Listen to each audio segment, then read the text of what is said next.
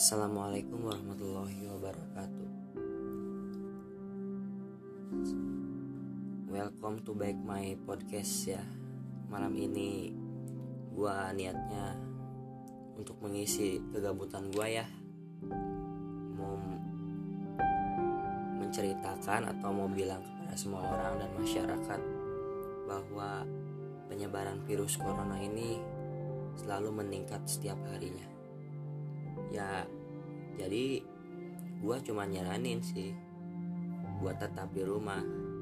Walaupun keadaan gak terlalu sibuk darurat lah di luar. Jangan terlalu maksain keluar gitu. Jadi anda di rumah berarti anda menyelamatkan semua orang. Dan termasuk medis juga. Mereka sedang berjuang untuk menyembuhkan beberapa orang yang sudah terkena corona gitu. Jadi tugas kita cuma hanya di rumah sebenarnya. Tidak lebih sih. Ya mungkin buat donasi lah buat memberikan sumbangan untuk para medis untuk membeli APD atau alat pelindung diri dan juga masker ya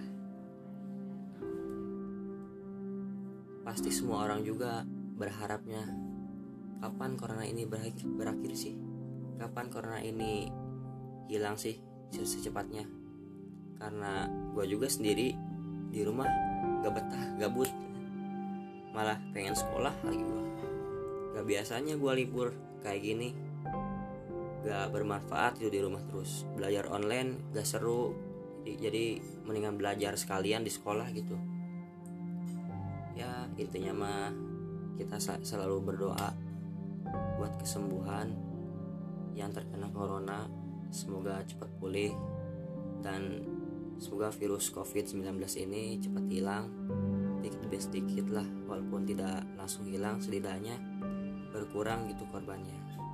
Ya mungkin gue cukup segini aja. Selamat kembali lagi di podcast gue selanjutnya Assalamualaikum